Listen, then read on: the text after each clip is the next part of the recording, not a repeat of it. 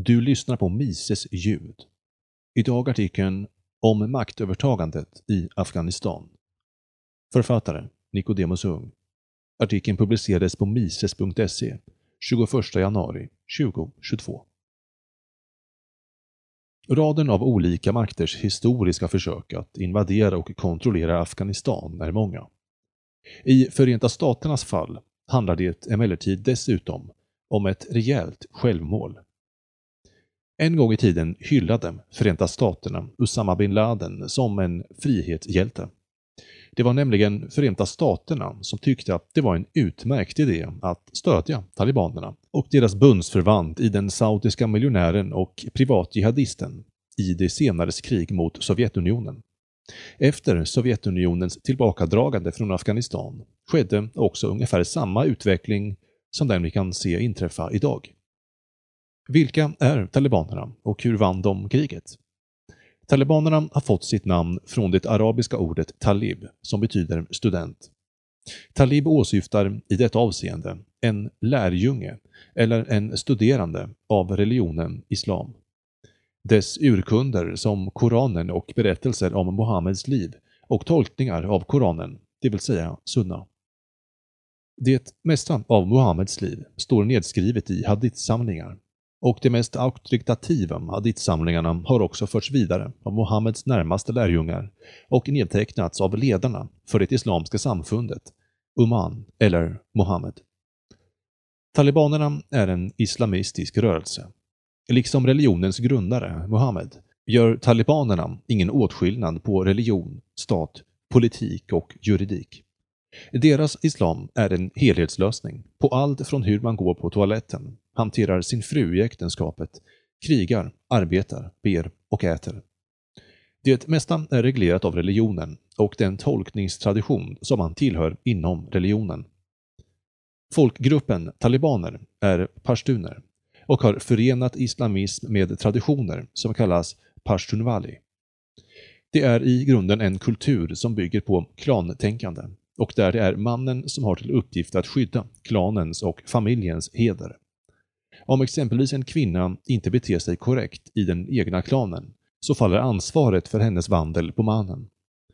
Pashtun Wali har därtill strikta ideal om hur man hanterar gäster och löser tvister. Dessa seder är förenliga med deras uttolkning av islam. Exempelvis ska en gäst åtnjuta fullt skydd och gästfrihet så länge han är gäst. När han däremot slutar att vara gäst kan han tillhöra fienden och måste bekämpas.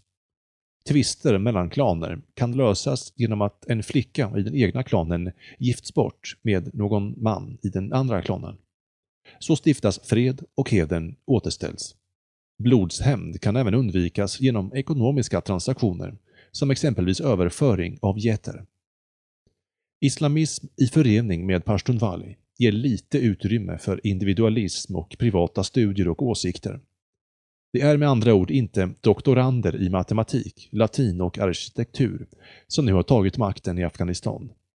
Individuell utveckling är helt underordnad klanens och religionens intressen. Heden, klanen och den rätta uttolkningen av islam ger dessutom inte mycket tid över till annat. Det är också viktigt att känna till talibanernas perspektiv på kriget i Afghanistan och varför de nyligen lät avrätta Islamiska statens ledare i landet. Utifrån deras perspektiv är Afghanistan ett islamskt land, eller ett land där islam en gång segrat. Därför tillhör landet som helhet religionen islam. Har det en gång erövrats för Allah ligger det på det muslimska samfundets plikt att återta det. Man anser därtill att Islamiska staten, IS, version av islam är heretisk. Istället för ett kalifat förespråkar talibanerna ett emirat. Skillnaden mellan de två kan förstås som motsvarigheten mellan de europeiska kejsardömena och monarkierna. En kejsare har anspråk på mer än ett land och det finns egentligen ingen bortre gräns för de länder som kejsaren kan lägga under sig. Jämför exempelvis med romarriket. Inom islam är kejsaren dessutom högsta religiösa och moraliska auktoritet. Han leder umman, samfundet, både politiskt och religiöst, och där det politiska dessutom involverar militär och erövring. När islam spreds under de första kaliferna skedde konversionerna mycket snabbt och var omfattande. Orsaken till detta beror på att kaliferna hade tre erbjudanden till länder och stammar som ännu inte var islamska. 1. Konvertera och förena er med oss, och ni undviker krig och kan ta del av en rättfärdig kamp och rättfärdiga erövringar. Ni får också skydd av oss. 2. Betala en stor summa guld. 3. Bli underordnade genom erövring. De flesta arabiska stammar valde det första alternativet, medan Europa valde det sista, då man inte ville överge sin kristna tro. En emir motsvarar istället en monarki, med den skillnaden att även emiren har en religiös och andlig auktoritet. Emiren är en islamsk kung över ett land, i detta fall Afghanistan. I sedvanlig ordning är liknande ideologiska skillnader mellan islamister så pass viktiga och avgörande att det leder till väpnad konflikt mellan olika grupper. I talibanernas fall kunde de acceptera al-Qaida och Usama bin Laden, men inte Islamiska staten, som de ansåg ha fel lära. Den Islamiska staten vill alltså ha en global islamsk kejsare, en kalif. Hur kunde då talibanerna segra så snabbt och så pass effektivt? Det handlar inte bara om att Förenta Staterna närt en korrumperad politisk administration, utan dessutom om militära förutsättningar. Den afghanska armén, ANA, var i många avseenden ett biståndsprojekt för att hålla folk sysselsatta. Det spelar då liten roll att de hade över 300 000 anställda. Det enda stridbara förband inom ANA var en kommandokår på 21 000 riktiga soldater. Dessa var inblandade i 80 procent av alla strider, medan de övriga malajerna stod för en knapphändig hantering av 20 procent. Kommandokåren hade fått utbildning i modern krigsföring av Förenta Staterna. Detta var ett stort misstag.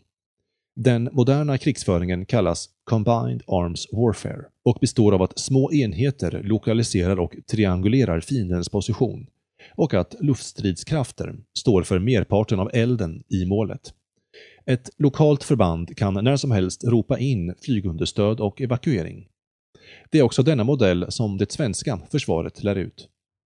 In på scenen stiger Joe Biden, som har helt andra politiska ambitioner i åtanke. Han vill att Förenta Staterna lämnar Afghanistan och lämna betyder då även att flygvapnet lämnar landet. I ett svep försvann därför 8000 amerikanska soldater och 30 000 tekniker som annars skötte underhåll av flyg och teknisk utrustning. Man vädjade då om att åtminstone några av dessa tekniker skulle kunna vara kvar i landet, men Biden sa nej. In i det sista försökte några tekniker att bistå det afghanska flygvapnet via zoomlänkar från Förenta Staterna.